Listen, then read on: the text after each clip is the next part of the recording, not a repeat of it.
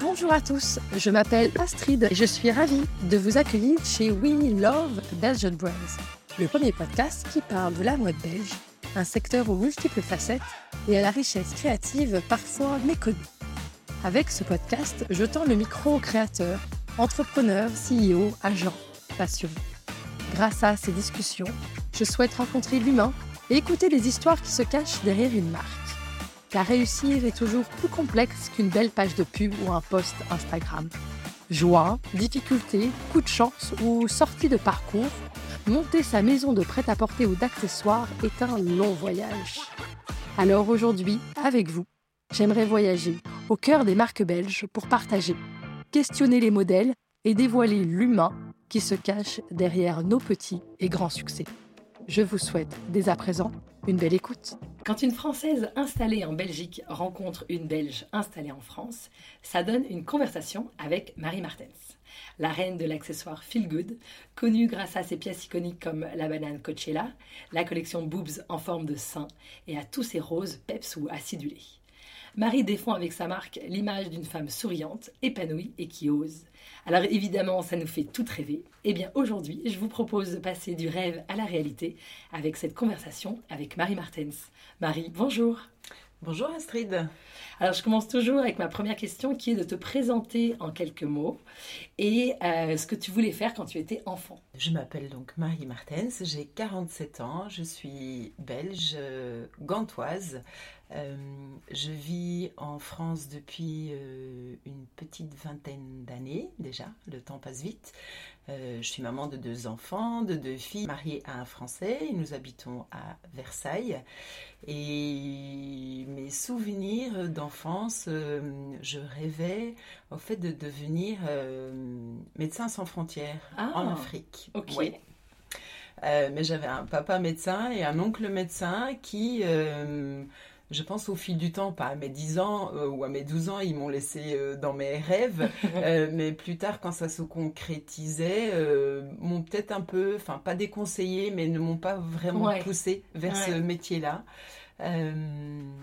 Mais donc j'étais très loin du sac à main. Très loin de, de l'esthétique et de la mode. Ok. Et quel a été ton parcours, tes études Alors donc mon parcours, j'ai suivi mon cœur, j'avais un côté créatif, mais d'un autre côté euh, aussi euh, très euh, social et engagé.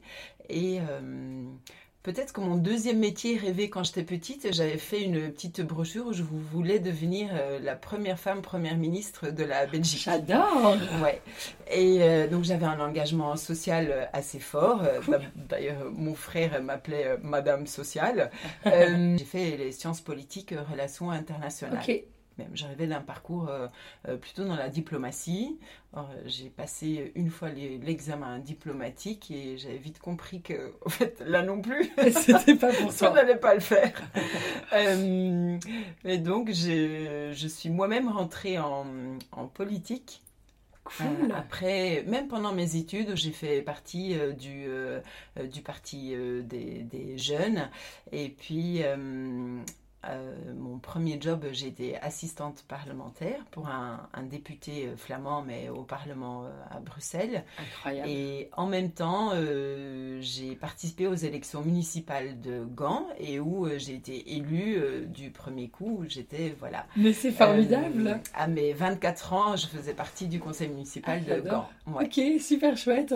Et alors de la politique au sac à main, que s'est-il passé? Il y a encore un, un très grand virage à prendre parce qu'au bout de deux ans de vie professionnelle euh, dans la politique, on peut dire locale euh, belge, Ouais, ouais, bien même s'il y avait beaucoup de dossiers euh, internationaux, mais j'étais quand même moi-même ancrée très fortement tu vois, dans la vie locale politique. Euh, et je me rendais compte que voilà, à 24 ans, ou, enfin, et là j'en avais 26, que j'allais pas euh, peut-être faire euh, une longue carrière là-dedans, surtout que j'étais devenue très lucide que ça pouvait être fini du jour au lendemain. Ouais. Et là j'ai pris conscience de ça et je me suis dit, mince, euh, si demain c'est fini, euh, qu'est-ce que je vais faire? Je n'aurais fait que de la politique dans ma vie.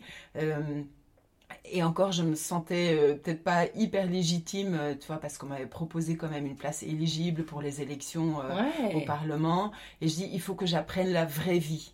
Bien vu. Euh, c'était encore ma maman qui remplissait quand même euh, ma fiche d'impôt et qui faisait mes virements bancaires. Et voilà, je me disais, mais je connais rien à la vraie vie. J'ai mes rêves, mes idéaux, mais, mais c'est quoi la vraie vie? Comment moi je vais aller défendre des gens, des travailleurs ou des indépendants ou peu n'importe, si moi j'ai été assistante parlementaire et que... C'est chouette que tu en aies eu conscience. Une, une, professionnelle de la politique, mais, mais pas une professionnelle de la vraie vie. Ouais. Bien vu. Donc, euh, c'était cette prise de conscience. Et puis, j'ai dit, mais il faut que je reprenne des études pour apprendre un métier. Euh, et moi, c'était la communication qui, qui m'enchantait beaucoup, que, que j'adorais. Enfin, le côté créatif, le côté prise de parole, image de l'homme ou de la femme politique, quand même, dans les coulisses. Et j'ai dit, ben, je vais reprendre des études dans les relations publiques ou dans, dans la communication. Mais je veux le faire. Euh, bien, entre guillemets, et euh, rajouter une langue. Euh, Donc j'allais pas faire ça euh, à Gand parce que alors j'avais aucune excuse, il fallait que je reste au conseil municipal. à Bruxelles, pareil, je pouvais rester peut-être assistante parlementaire. Enfin bref, je dis il faut que je m'extrais de, de, de, ce monde belge et que je parte à l'étranger. Top. Et t'es parti où? Pas très loin. à Versailles. Euh, à Versailles. D'abord à, Paris. euh, Parce que Paris, je trouvais ça euh, bon attrayant. Je connaissais déjà. Euh, voilà, ce n'était pas une punition de venir faire. C'est une an, enfin une année d'études à Paris. et surtout que j'avais trouvé une école parce que j'avais décidé ça. Il fallait que ça se fasse tout de suite. Ça pas. Où je pouvais commencer tout de suite. Mais alors là, je j'ai fait connaissance de tous les processus de, d'inscription dans les écoles de commerce à la française, très compliqué et tout. Donc il fallait que j'attende un an. Et là, je dis, ça serait pas possible. Il faut que ça se passe tout de suite. Et j'ai trouvé une école, euh, les Selska, qui est une école de, commerce à Paris, mais qui avait un un programme MBA euh, et MBC euh, en anglais. Donc avec des professeurs native English, donc pas des profs français qui donnent les cours en anglais, mais des vrais euh, anglophones. Donc là j'ai des bingo, comme ça j'ai mon anglais que je vais perfectionner en ayant cours en anglais et en vivant à Paris, je vais perfectionner mon français. J'étais déjà bilingue, mais j'avais quand même de quoi apprendre encore euh, à ce niveau-là. Génial, super. Et donc après euh, c'est cette, cette, école française donc, à Paris euh, un an d'école française à Paris, qui était donc pour dans ce master, il y avait un, programme de, de, stage aussi. Cool. stage qui, à l'époque, enfin pour une Belge, c'était un monde totalement inconnu parce que c'était pas du tout, enfin dans nos habitudes en, en, Belgique. Donc je ne savais pas trop par où me, enfin Aujourd'hui, je me dis, mince, j'aurais dû prendre un stage dans une maison chez LVMH ou une maison de luxe, voilà, pour apprendre le, métier, inside, mais je ne savais pas encore euh, à ce jour, ce, moment-là, que j'allais terminer par faire euh, des sacs à main. Donc, euh, euh, je me suis rapprochée de toutes les, grandes boîtes de communication américaines, enfin les agences de, com, et j'ai postulé. Et là, j'ai été prise, c'était Fleshman Hillard. Entre-temps, ça a été repris par le groupe Omnicom. Euh, et c'était un stage six mois sur la communication de crise, passionnant. Et voilà, où je, je, me suis éclatée. Enfin, c'était vraiment génial parce que comme stagiaire, enfin, on avait accès à plein de on était les petites mains, mais quand même euh, hyper intéressant de voir ce que c'était la communication de crise dans les coulisses d'une marque qui dit ben worst case scenario, qu'est-ce qui peut arriver? Euh, demain il, nous tombe ça dessus, il faut qu'on soit prêt avec un dossier de euh, voilà. Donc passionnant, passionnant vraiment. Ils n'avaient pas de budget pour m'embaucher après ça. Euh, j'aurais pu prolonger mon stage et, patienter un peu, mais euh, je pense que même avant la fin de ce stage, j'avais trouvé un autre petit euh, job dans la com, où c'était un, CDD en France dans une agence de presse aussi où euh, voilà, j'avais très vite vu le tour et que c'est compris que c'était pas la bonne boîte, mais bref, passons sur cet épisode-là. Et puis j'ai des copains euh, parisiens qui euh, qui m'ont appelé un jour en disant Marie, mais tu cherches encore un job euh, à Paris. Je dis non, non, non, non, je vais terminer là mon job et je vais rentrer euh, En à- Belgique. en Belgique et je vais aller bosser pour les, les, les, les- les chouettes agences de, de com à Bruxelles. Et ils disent mais non, mais on voudrait te voir parce qu'on a un job à te présenter. euh, euh, et c'était un couple en fait qui bossait tous les deux en salle de marché à la Société Générale Ok. qui étaient des copains que je côtoyais de, de- de- depuis un an. et j'avouais que je comprenais jamais quand ils parlaient de leur boulot, que je Je comprenais comprends. jamais de ce qu'ils faisaient. Et je n'osais pas trop poser la question, mais euh, bon, ils s'éclataient dans leur job. C'était, ça avait l'air d'une chouette ambiance et tout ça. Je dis, bah, why not? Il dit, mais t'es où? Je dis, je suis dans le taxi, je reviens du Thalys, euh, je vais chez moi à Paris. Il dit, mais passe par la Défense, demande de te déposer à la Défense, on veut te voir tout de suite. Ok. Ok. Euh, bon, j'avais un CV euh, dans euh, mon sac parce que c'était une période voilà, ouais, où je, recherche d'emploi. je- je recherchais du, du boulot, mais j'étais d'avis de rentrer euh, En Belgique. en Belgique. Et, euh, et là, je rentre euh, Tour Société Générale, 36 étages, à la Défense. je n'avais jamais mis les pieds dans une banque. Euh, sauf ici à Paris pour ouvrir mon compte où j'ai quand même dû le faire euh, moi-même. C'était pas ma maman qui pouvait le faire pour moi, mais voilà, ok. Euh, Huitième étage, salle des marchés. Enfin, c'est, ouais, c'est pas Wall Street, mais c'est. Ouais, mais enfin, si, si, j'imagine, c'est Salle fou. de marché. Et là, t'as quel âge? Euh, et là, j'ai euh, 26 ans. Ouais, Enfin, ok. 26, oui, j'ai un peu perdu le compte, entre 26 et 27, mais je pense, ouais. Euh, donc, je suis reçue par, euh, par mon amie euh, Valérie, qui était sales sur le desk Benelux, des produits structurés, enfin, des produits hyper euh, complexes en finance. euh, voilà. Elle me dit bon, moi je te connais, tu parles euh, Néerlandais. français, anglais. euh, on a besoin de quelqu'un sur le marketing pour nous acco- accompagner en fait l'équipe sales sur le marché du Benelux. Et c'était pour faire les plaquettes marketing des produits hyper complexes. Mais c'était un peu euh, un produit de placement Ouais, financier hyper complexe, mais expliqué à ma grand-mère, Ouais, qui se vendait Ouais, euh, aux banques euh, françaises, euh, belges, en flamand. Enfin bref, il fallait l'expliquer de manière très vulgarisée, très simplifiée. Et ça, j'arrivais à le faire parce que ne j'étais à la place de ces gens. Je comprenais pas non plus de quoi Ouais. il s'agissait. Et t'es resté combien de temps du coup? Euh, en tout, euh, j'ai fait quand même 7 ans dans le groupe Société Générale. Ah ouais. Mais j'ai fait deux Grosse ans ce expérience. poste au marketing et qui était génial, ce qui m'a permis quand même de revoyager en Belgique parce que Ouais, c'était chouette d'avoir quelqu'un qui parlait flamand. Il y avait que des Français qui Bah bossaient oui. sur le desk Benelux et euh, ça c'était chouette. Et enfin, je t'ai dit, c'était une, une super ambiance. on bossait beaucoup. Enfin, je bossais, Ouais. je comptais pas mes heures. Enfin, on a fait Et c'était à la défense alors? À la défense, oui, au huitième étage. Là, Ambiance euh, ouais particulière. particulière, mais c'était un peu euh, bon, euh, les, les leaders du monde dans leur domaine. Ouais, Euh. C'était le, le, le Go Fast, les, les années dorées euh, pré-Kerviel. Euh, pas de limite de, de, de De budget, mais on délivrait. Voilà. Et au bout de deux ans, euh, enfin moi, entre-temps, j'étais enceinte de Juliette. Euh, on devait être, je- j'exagère un peu, mais quatre ou huit femmes sur tout le floor. euh, Ouais, j'imagine aussi, Un ouais. monde très masculin, mais pas misogyne, mais, mais bref, Ouais, on était très peu. Donc j'étais enceinte. Moi, je le savais depuis une semaine. Et là, je suis appelée par mon boss en disant Marie, on veut te parler. Et là, je dis ça y est, ils ont senti que je suis enceinte. Pas suis virée. mais pas du tout. Ils disent Marie, on voudrait te parler. Ça fait deux ans, on est content. Voilà, on voudrait te proposer une évolution et une promotion de devenir euh, sales. euh, des produits que tu décris dans des plaquettes marketing.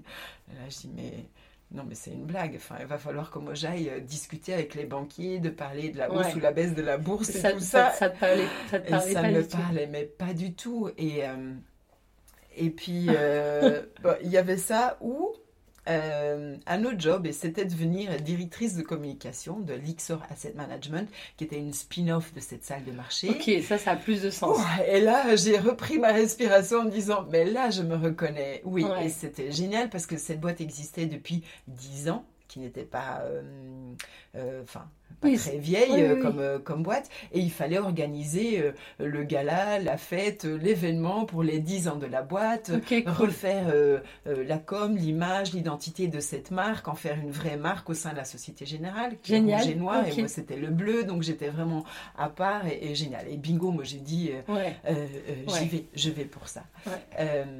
mais je, suis enceinte. voilà. Ouais. et puis en fait, mais pas de problème. Et en effet, pas de problème. Juliette n'avait même pas un mois. J'étais, je recevais les agences chez moi, je donnais le biberon chez moi, je recevais tout le monde de chez moi à la maison. Et voilà. Super. J'ai foncé et c'était ouais, canon cool. expérience. Et alors, euh, comment on arrive à Marie Martens, euh, marque de euh, sac Voilà, on n'y est toujours pas je voyais quand même de ce qui m'éclatait, enfin là où je m'éclatais, ce qui était génial dans, dans ces sept ans que j'ai quand même passé dans le monde de la finance, c'était un peu le, le, high-tech de, de, la finance, c'était tout le côté créatif. Enfin, quand j'étais directrice de communication, j'étais directrice de moi-même. Hein. J'ai commencé mon département, il y avait une personne, mais j'ai pu embaucher au fil du temps. Et moi, j'étais Madame Goodies, j'adorais commander les goodies, euh, toute la charte graphique de, la boîte, tout le côté bon, créatif, visuel image. Euh, et c'est quelque chose que j'ai toujours eu en moi, que je disais, enfin, au début, même enfant, j'ai toujours eu un petit monde imaginaire ou de la créativité, mais pour moi, c'était un hobby, c'était pas un métier. Euh, j'ai eu ça un peu de, enfin, entouré dans, mon enfance. Mon papa, il était médecin, mais euh, il peignait à côté. Donc, je comprends j'avais ça en moi et en fait c'est en arrivant à Paris que j'ai eu quand même un, une délivrance, on dit, ou une libération de ce côté créatif. Ici où tu dis, tu, tu peux t'habiller comme tu veux. et puis tu as toutes ces marques, et les gens, ils parlent, il y avait quand même déjà les Fashion Week, les gens, ils venaient au salon acheter de la mode, et puis tu en avais d'autres qui exposaient leurs marques, et j'ai dit, mais c'est quoi? Et ça m'intriguait. Euh, euh, et, je suis allée voir parce que j'avais quand même un petit intérêt. Quand j'avais 21 ans, j'avais lancé une petite marque de, bijoux. C'était un passe-temps, un hobby. Euh, euh, bon, aujourd'hui, on ferait ça avec un compte Instagram et on devrait une marque digitale. Mais, et j'ai dit, moi, je veux aller voir où est-ce que ces gens, ils font leur sourcing qui vient acheter et tout. Et, et puis j'ai pris des places pour aller visiter le salon Who's Next et le salon euh, Première Vision. Et là, j'ai vu, mais là, il y a les fournisseurs, et puis de l'autre côté, il y a les stands des marques. Ça me paraissait très simple, de loin. et, et attirant. Et, très attirant, oui, oui, très excitant et très attirant. Et je disais, moi j'avais quand même des idées en moi et cette, cette créativité qui, qui, enfin, ça bouillonnait en moi. Et, et, je, et, enfin, pour revenir sur ta question, de, bah, j'ai quand même un jour décidé, toi, de, de me lancer et de quitter le monde de la finance, Ce qui, était courageux, hein. et très confortable parce qu'on bah, était très bien payé. Bah, bon, même si je bossais beaucoup. T'avais quel âge? bah, Tout ça, c'est 28, 29, 30 ans. Enfin non, c'était, oui, je me suis lancée oui, en, en, 2012. Voilà, et je suis de, de 76. Donc, euh, Il faut faire les calculs. bon. Ok, un peu après 30 ans, tu avais euh, déjà tes deux enfants et tu t'es dit, euh, vas-y, J'étais en fait enceinte de Pauline de ma ah. deuxième. Et là, comme j'étais à la banque et qu'on avait un congé maternité sympa et long, je dis, je vais en profiter pour réfléchir à ce que je vais faire. Et bon, je m'étais décidée un peu avant. bon, il y a quand même eu 5 ans entre mes deux filles, donc j'ai eu des grossesses un peu compliquées ou arrêtées. Donc, j'ai eu beaucoup de stop go en disant yes, ça y est, je suis enceinte, je vais pouvoir quitter. Euh, ça, ça n'aboutissait pas, mais euh, au final, voilà, euh, j'étais enceinte de Pauline quand j'ai quitté la Société Générale et elle est née en 2012 et en 2012, voilà, j'ai créé ma société qui s'appelait Marie-moi et avec une première collection de bijoux. Ok. Et alors, comment on passe des bijoux au sac? Pour moi, le, bijou, donc comme je disais, c'était une évidence parce que je connaissais un peu euh, le, euh, les fournisseurs, voilà, le, comment créer un bijou, comment créer un univers, une marque et tout ça. Mais euh, ça me nourrissait pas ou ça j'étais pas à 100% satisfaite parce que il y avait le syndrome de l'imposteur, enfin mais que que j'ai toujours. Mais je me disais, mais ouais, les bijoux, il n'y a pas beaucoup de valeur ajoutée, j'ai pas fait des études là-dedans, j'avais un petit univers, mais en fait, ils sont mal pricés, euh, il faut... Euh, mais moi j'ai toujours eu un amour. J'étais pas une mordue de la mode mode. J'étais Mhm. pas une fashion victime ou une pas ça. J'ai quand même eu toujours une une, une éducation euh, esthétique. Mhm. Et, et mon papa était un esthète, enfin ma maman euh, aussi aimait bien la couleur et c'était quelque ouais. chose, oui, le beau et le bon et le beau et le bien. Mm. Euh, moi, Ouais. j'étais pas habillée en marque de mode de la tête aux pieds, Non, mais non. mon papa, quand il faisait un congrès à Paris, il me ramenait une petite pièce euh, Ouais, euh, d'une créatrice qu'on connaissait pas encore à l'époque. Et c'était, je me souviens d'une écharpe de Claudie Pierlot au Ah, tout début. ah, Enfin, des, des choses. Et euh, donc, et pour moi, c'était l'accessoire. C'était pas euh, Ouais. toute la, la silhouette, mais l'accessoire qui pouvait euh, euh, définir un style ou par lequel je pouvais m'exprimer. C'est plutôt ça. Et ça, j'ai vu aussi dans la banque où j'avais quand même la petite robe trois trous. Enfin, Ouais, en fait, ouais, il y en a quatre, mais trois trous. mais que je twistais, je portais ça alors, avec des collants euh, bleu clin. euh, euh, j'avais un costume de pièces gris, mais je mettais des ballerines jaune fluo. Euh. Déjà, voilà, ce petit côté. Et mes sacs à main.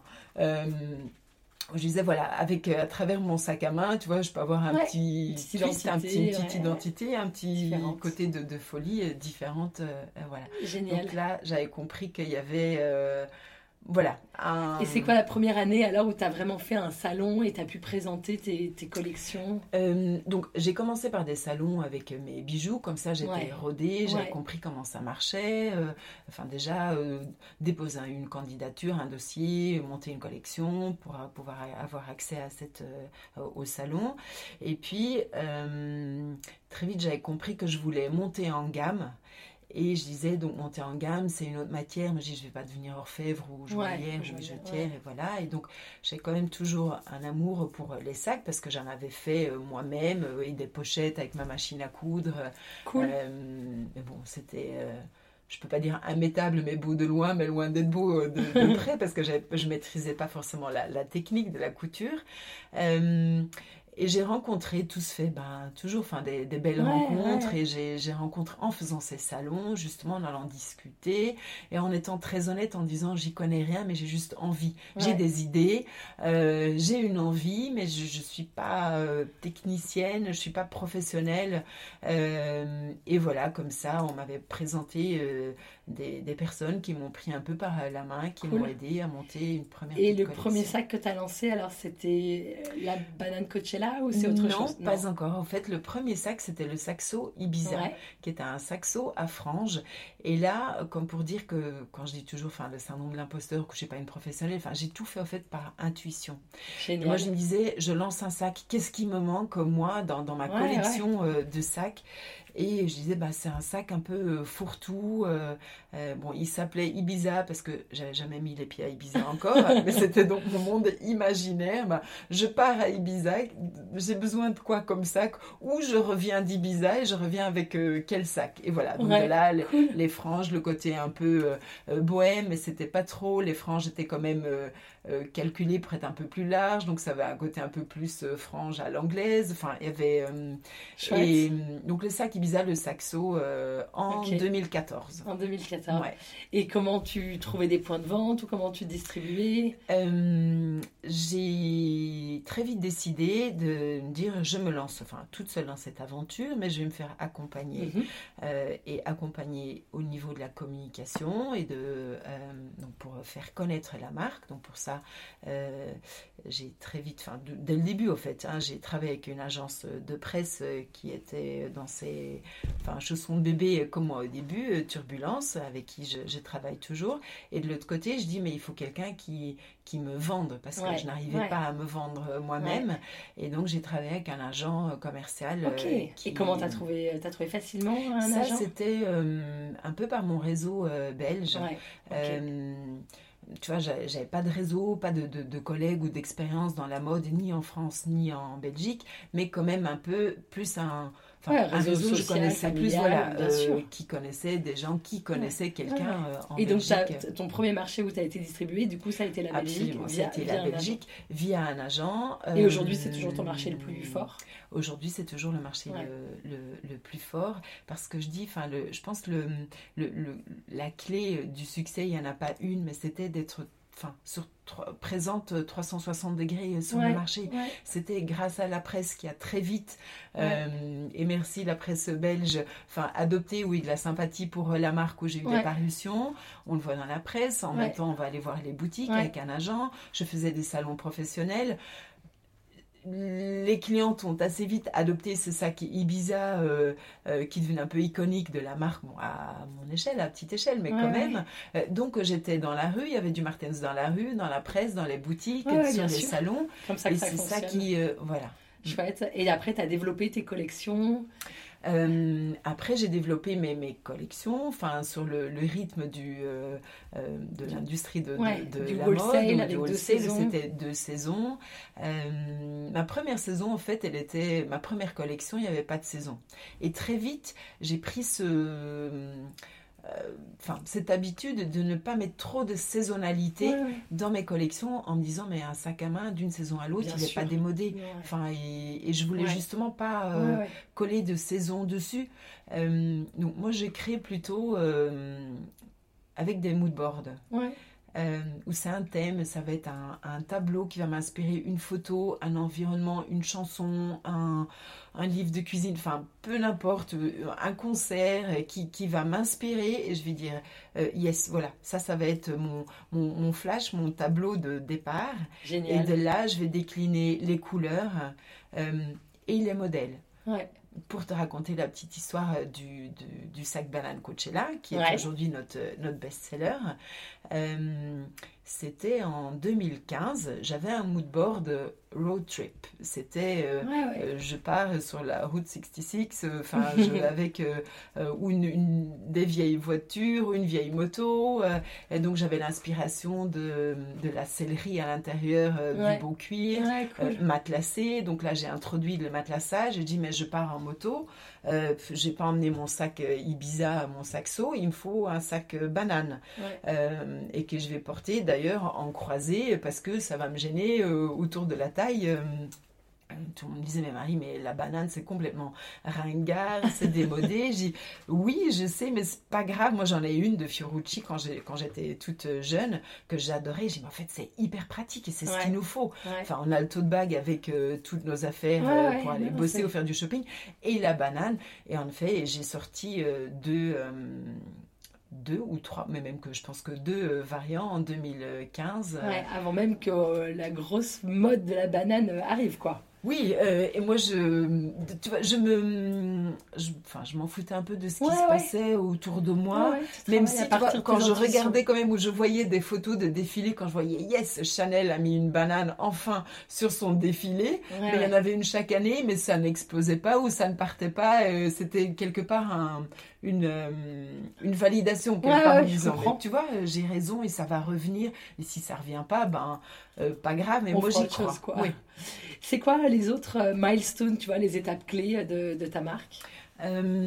C'était pour moi, donc j'ai commencé toute seule, je peux dire, à bosser chez moi, mais j'ai quand même un bureau à part chez moi j'ai toujours voulu, voilà, enfin quand je disais j'étais entrepreneuse, mais je voulais pas faire du kitchen maid, je me dis je vais vraiment voilà, que ça ait une ouais, professionnalisé. Mon bureau, c'est pas dans ma cuisine, même si le stockage, ça a été dans mon salon pendant euh, deux saisons quand même, et j'avais un bureau à part où je faisais mes créations, c'était mon studio. Euh, donc déjà ça, euh, et puis évidemment, enfin bien s'entourer, c'est de bosser avec un, un vrai expert comptable un logisticien. Quand je parlais que mes cartons, les sacs étaient stockés dans mon salon, on disait mais ça, ça ne va pas, je ne peux plus faire le picking et les envoyer moi-même. C'était un centre de logistique qui est euh, fiable, qui est à ta taille. Euh, euh, c'est tout bête, mais bon, mais la logistique, c'est quand même hyper clé. Voilà. bon, évidemment, tout commence avec le bon fabricant. J'allais dire, la logistique, c'est le nerf de la guerre et le, tout commence par un bon fabricant et un bon produit. J'ai s'entouré de, de, professionnels, mais qui sont à, à ta taille, à ta hauteur, qui te comprennent, qui se prennent pas la tête. Moi, je dis toujours, enfin, ne pas trop se prendre, qui se prennent pas trop au sérieux, parce que moi, je prends mon métier au sérieux, mais je me prends pas moi au sérieux, mais c'est quand même, voilà. C'est vrai, et ça se ressent et c'est très euh, agréable. Euh, euh, sérieux. Bien sûr. Et c'est ça qui est chouette. Et on fait, enfin, maintenant, je parle en on et en nous, parce que la prochaine étape, c'était quand même de m'associer à quelqu'un. Ouais. Et ça, c'était en quelle année? Je me suis associée en ça fait 5 ans. Cool. Euh, et la petite histoire, c'est que je t'ai parlé au tout début de la Valérie qui m'avait appelé pour venir bosser au marketing à la Société ah, Générale. Incroyable. Et c'était là où, euh, voilà, c'est ah, moi qui ai appelé Valérie en disant, ben, tu veux pas euh, venir dans En fait, euh, tu sais, je t'ai rejoint à l'époque à la Société Générale. Là, il est temps pour toi, t'as envie de faire autre chose. il est peut-être temps pour toi de venir me rejoindre moi maintenant à vendre des sacs à main. D'ailleurs, quand tu parles de ça, j'ai envie de te poser cette question. Qu'est-ce qui t'a permis d'oser te lancer? Qu'est-ce comment, tu vois, je connais plein de gens, moi, hein, qui ont des projets, des, des, des, rêves, des passions, et qui sont bloqués, en fait. Euh, c'est pas si euh, évident, tu vois, j'imagine ce confort, cette euh, stabilité financière, euh, voilà, la Société Générale, la banque, c'est plein d'avantages, on sait ça. Tout d'un coup, pour lancer vers l'inconnu... Très bonne question. Et voilà, et le mot euh, oser, euh, voilà, qui, qui, fait partie de mon euh, ouais, on le ressent. lexique voilà, de, de, de, au quotidien. Et même maintenant, je mets un R devant où je dis il faut roser, tu vois, oser et en couleur. Et c'est un peu, je sais pas, ça fait partie peut-être de mon éducation où mes parents toujours très présent, mais m'ont aussi laissé beaucoup de, liberté en disant fais ce que tu veux, mais il faut que le résultat soit là, à l'école, ou voilà. Et euh, ma maman, mon papa était médecin, ma maman, elle, elle s'est lancée aussi dans l'entrepreneuriat, elle avait sa société, euh, mes parents étaient divorcés, donc elle était quand même euh, seule, bon, même si mon papa était toujours, toujours là, mais enfin, femme seule, elle a se lancé dans l'entrepreneuriat, je dis, bah, et ça a marché. Elle, Génial. et voilà, donc pour moi c'était une évidence. Euh, elle vendait, elle représentait et distribuait des produits médicaux, mais enfin sa spécialité c'était les produits euh, en chirurgie esthétique. Avant le botox, et en fait c'est des prothèses mammaires, quand même du collagène injectable, euh, des produits de, japonais, de fabricants japonais ou américains. Ok, super, très bien. Non non bah ouais non intéressant je trouve mm. que qu'est-ce qui permet d'oser. Euh, et probablement l'exemple de tes parents et ta maman a dû, euh, a dû aider. Et si je peux juste rajouter, enfin ça c'était donc dans, dans, mon esprit parce que j'ai osé euh, quitter quand même mon job, mon confort, mon job d'assistant parlementaire, ma place d'élu au conseil municipal. Enfin il y avait 1000 personnes qui avaient voté pour moi et là, au bout de deux ans j'ai dit bah désolée, mais je m'en vais. Enfin, ça aussi, c'était un peu d'audace euh, que j'avais en moi. C'était mon, caractère, envie d'explorer des nouveautés, autre chose.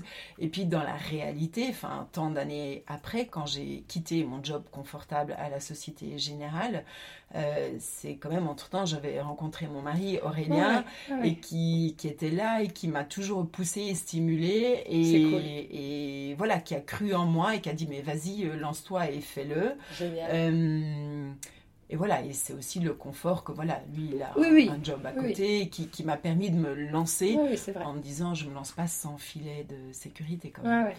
Chouette. Euh, et tu penses à d'autres euh, étapes clés, milestones pour euh, ta marque? L'ouverture de la boutique peut-être? Absolument. Pour nous, l'ouverture de la boutique c'était en 2019. Ouais. donc la marque, on peut dire Marie Martin, ça a été créé en 2014, donc c'était au bout de 5 ans. on cherchait des nouveaux bureaux sur Versailles. Et puis, on avait fait des ventes par-ci, par-là, ici localement, chez des copines commerçantes. Euh, on dit ce serait quand même pas mal d'avoir une, vitrine ou une boutique où on peut accueillir nos clientes. Et puis, ça a été génial parce que c'était une étape clé, en fait, pour la marque. Ça nous a permis de s'asseoir, poser des questions. Qui est Marie Martens? Ouais, c'est sûr. La créatrice. Qui est Marie Martens? La femme qui porte le sac Marie Martens. C'est quoi la société Marie Martens? Où est-ce qu'on veut aller? Où est-ce qu'on veut l'emmener? Comment on parle de nous? Parce que pendant, depuis que Valérie m'avait rejointe, on avait un peu, on commençait à avoir du mal à décrire la marque. C'est quoi Marie Martens? Une marque inspirée par le voyage et la femme active. Bon, euh, tout le monde euh, enfin a le même discours. Et en fait on s'est assise on s'est fait accompagner évidemment euh, et où on a créé au fait la plateforme de marque en disant c'est quoi nos valeurs, euh, c'est quoi nos couleurs, euh, euh, c'est quoi notre mission. Et c'était une expérience enfin géniale. Et ça c'est vraiment hyper important et intéressant de ne pas l'avoir fait au début. Donc moi j'ai lancé cette marque sans plateforme de marque, sans business plan, sans rien, juste mon intuition et mon envie et ma créativité. Et puis au bout de cinq ans quand même de s'asseoir et dire bon ok, Ouais. On en est où et on est qui? Ouais, c'est super. Je pense que c'est un très bon, un très très très bonne, très bonne étape dans la construction d'une euh, d'une marque. Et euh, c'est quoi tes défis aujourd'hui? Les défis, ben, c'est les, euh, les défis de, de, de croissance qui sont sur d'autres marchés. tous les fronts. c'est ben, c'est déjà le développement à l'international bien sûr. Je me dis, ben, le succès qu'on a en Belgique, on aimerait bien le dupliquer euh, euh, ailleurs. Et je pense que personne n'a encore trouvé la formule magique euh, qui n'existe peut-être pas d'ailleurs, mais bon, euh. C'est du travail, de l'acharnement, de, la persistance, euh, voilà. Euh, et on, va y arriver. Enfin, il y, a des bons signaux. Voilà, là, sur la France, on se développe de plus en plus dans des boutiques multimarques, dans des grands magasins, des corners dans des grands magasins. Et puis, on a quand même des contacts à l'international et l'appétence. On, on sort d'une période un peu compliquée, difficile, où on était sur un super élan et un super super tremplin, mais euh, en mars ou même en février avant le Covid, et puis ça a tout arrêté. Là, voilà, on, reprend ça, mais on prend notre temps. On, super. On y va lentement, mais sûrement. Euh, est-ce que tu peux dire un petit mot quand même sur la collection Boobs? Euh, D'où elle est venue? Comment c'est parti? avec, avec, plaisir. La collection Boobs, elle est née il y a, il y a 3, 4, 4 ans déjà. Comme je disais que j'ai créé chaque collection, pas selon les saisons, mais selon un mood board je vais essayer d'être assez concise. J'avais un mood board pour ma, main, enfin, pour ma collection principale de sacs qui était euh, le jardin de Eden. Donc le tableau du jardin d'Eden dit euh, euh, la pomme, le serpent, la nudité, la nature et tout ça. j'avais beaucoup de cuir nude, de cuir vert, serpent et tout dans cette collection. Donc ça se traduisait comme ça. Puis j'avais un petit sacron qui était le petit trianon, un sacron, et et je sais pas, je me disais, mais au fait, ça ressemble à un sein. Et à l'arrière de ce sac, j'avais euh, fait coudre enfin deux cercles, donc qui était le téton, qui était euh, d'un sein, caché à l'arrière du sac. Et j'ai sorti ce sac et devant, on ne voyait rien, il y avait le logo tag Marie Martin, c'est tout. Mais c'était un peu, si tu as envie de montrer ton sein ou tes seins, tu retournais ton sac et il y avait un petit côté et il y avait un petit, quoi. voilà, tout à fait. c'était un petit clin d'œil. Donc de, de là, fin, c'était ma première rencontre avec le petit sein sur un sac. Et dans ma collection, on me demandait de la petite maroquine. On me disait, oh, il faut des petits porte-monnaies, des porte-cartes. Et je dis, mais il n'y a rien de plus boring que euh, un porte-monnaie ou un porte-carte. Ils sont pareils euh, partout. Je ne ferai pas la différence. Et puis j'ai eu un flash en ayant euh, fait ce petit sac euh, sain euh, rond. J'ai dit mais le petit porte-carte, ben voilà, je vais dessiner deux petits seins dessus. Et voilà, et, comme ça, il s'appelait le Sainte Nitouche. est né ce petit porte-carte. Je me disais c'est génial, enfin une femme d'affaires qui sort qui sort ses cartes de visite et au fait qui sort ses boobs en sortant ses cartes de visite. Et voilà, et ça pouvait être un icebreaker ou mener à plein plein de discussions. donc ça c'est voilà, la naissance du, du saint Itouche et, et, des petits saints. Et puis j'ai une, euh, euh, une amie, Lani, en Belgique, qui a eu un cancer du sein euh, et qui s'est acheté un petit sein Itouche. Elle a dit Mais Marie, mais c'est génial, moi j'en veux un, des boobies, et je vais en offrir à tous mes boobs buddies qui m'ont accompagné pendant ma maladie, mon médecin, ma kiné et tout ça, ou des copines qui étaient malades. Et là, j'ai dit, mais ah ouais, mais il y a un truc à faire. Enfin, je, euh, et je cherchais quand même depuis longtemps, enfin, parce que ce côté social ne m'a jamais quitté, de donner du sens à mon travail. Je disais, là, j'écris des sacs à main, je vais pas améliorer le monde en créant du sac à main. Mais euh, donc là, j'ai dit, bah, il y a quelque chose à faire avec le, cancer du sein, la prévention. Euh, et j'ai contacté Ruban Rose en France et Think Pink en Belgique en demandant, bah, est-ce que ça vous intéresserait enfin, Est-ce que je pourrais voilà récolter des fonds à travers la vente de ces sacs Parce que voilà, il faut en parler du cancer des seins et pas qu'en octobre. Et il faut montrer ses seins à son médecin et c'est la, la, sensibilisation voilà qui est très importante. Et bon, je peux pas dire que c'était un peu tabou encore à l'époque, mais oui, oui, je suis d'accord. commun. Et voilà, et maintenant c'est Ouais. Ouais, super. Ouais, et, et c'est ça qu'on vraiment, enfin, sont super chouettes. Et maintenant, c'est plus que juste une maroquinerie. Absolument, c'est devenu une collection euh, à part au, sein de, de, de, la marque, donc la Boobs Collection. Et ce qui est génial, c'est que ben, je peux m'amuser, j'ai pu le décliner en pochette euh, euh, iPad, en portefeuille, porte-clés, ouais, étui à AirPod. Enfin, il y, a presque pas de, pas de limite. Et surtout que le, le sein, c'est un symbole très universel. Donc ça dans tous les pays, à toutes les femmes et les hommes. Et je dis, il n'y a pas que le, le, sein ou le côté, enfin, ou le cancer du sein, mais le sein, c'est le symbole de la maternité, ou de l'audace, ou le côté coquin, euh, le côté, enfin, la féminité, un peu, la féminité, la sororité.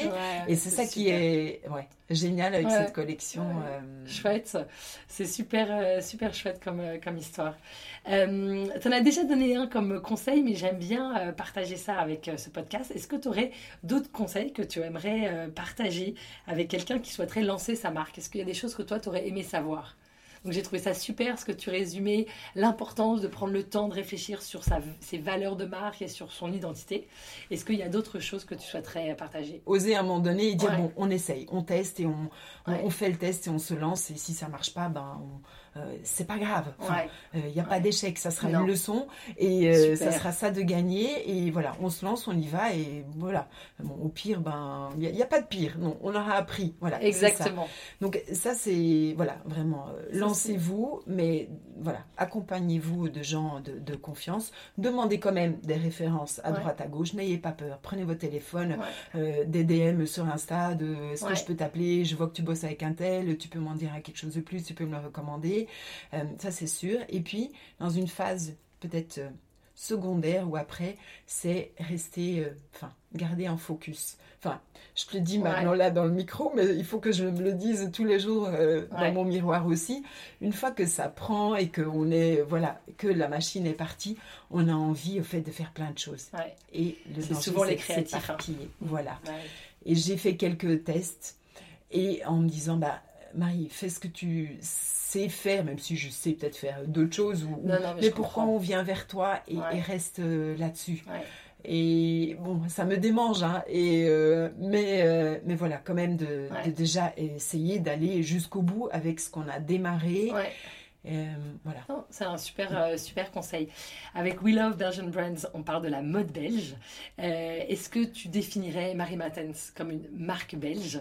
Et est-ce que tu aurais une définition ou des mots pour décrire ce que représente pour toi la mode belge? Oui, absolument. Marie Martens, je peux dire que c'est une, une marque belge, mais qui est soutenue, en fait, c'est une société française. Mais la marque est belge parce que la créatrice euh, est belge. Ah, bah et, je suis restée euh, belge euh, depuis ces 20 ans que, que je suis en, en France. Et pour moi, et j'entends ça euh, souvent, euh, voilà, les Français qui parlent à une Belge ou Belge disent mais les Belges sont euh, sympas. Voilà, je me dis, enfin, sympa, pas de prise de tête. Mhm. ce côté, ce petit grain de folie, donc ces touches de couleur. ouais, c'est sûr. Ce côté un peu espiègle, peut-être d'audace et de ne pas se prendre au sérieux. voilà. Ouais. C'est ça. Et d'essayer de, de créer un peu la, la différence et euh, bousculer un peu les, codes. Enfin, moi, je me dis les codes, je les connais peut-être même pas. Enfin, ouais, génial. Mais voilà. Et alors, comme euh, dernière question, je demande toujours, dans le secteur de la mode belge, est-ce qu'il y a des gens à qui tu penses que tu souhaiterais euh, écouter à mon micro? Oui, il y a plein de personnes et j'aimerais toujours être aussi dans la tête de, de, certains créateurs ou créatrices. Mais je pense que de, de l'autre côté, euh, enfin, du monde de la création, euh, il y a tous ces autres professionnels qui, qui nous font grandir et qui, qui, nous soutiennent et qui, enfin, et qui ont un œil hyper aiguisé sur euh, ce monde de la création. Et là, je pense à, à Tamara Thèse qui a créé mon agence de presse Turbulence, qui est une femme, enfin, une power woman, enfin j'allais dire passionnante, performante, enfin elle vit à du, du, du 300 à l'heure et d'avoir voilà son, histoire déjà qui est très intéressante de comment elle en, est arrivée là. Moi je la connais mais j'aimerais bien qu'elle la partage euh, avec plus euh, de gens. Euh, mais d'avoir sa, vision sur, voilà, sur son métier. Super. Eh ben, écoute, je trouve que c'est une très bonne, une très bonne idée. je te remercie beaucoup pour ton temps. J'ai été ravie de, de, cette rencontre et de cet échange, échange. Et je te dis à très bientôt. Salut Marie. Merci Astrid.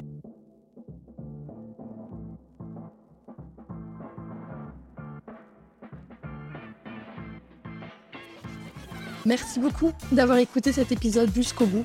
J'espère qu'il vous a plu. Et si c'est le cas, je vous invite à le partager et à le noter de 5 étoiles, car ça m'aidera beaucoup à le faire gagner en visibilité.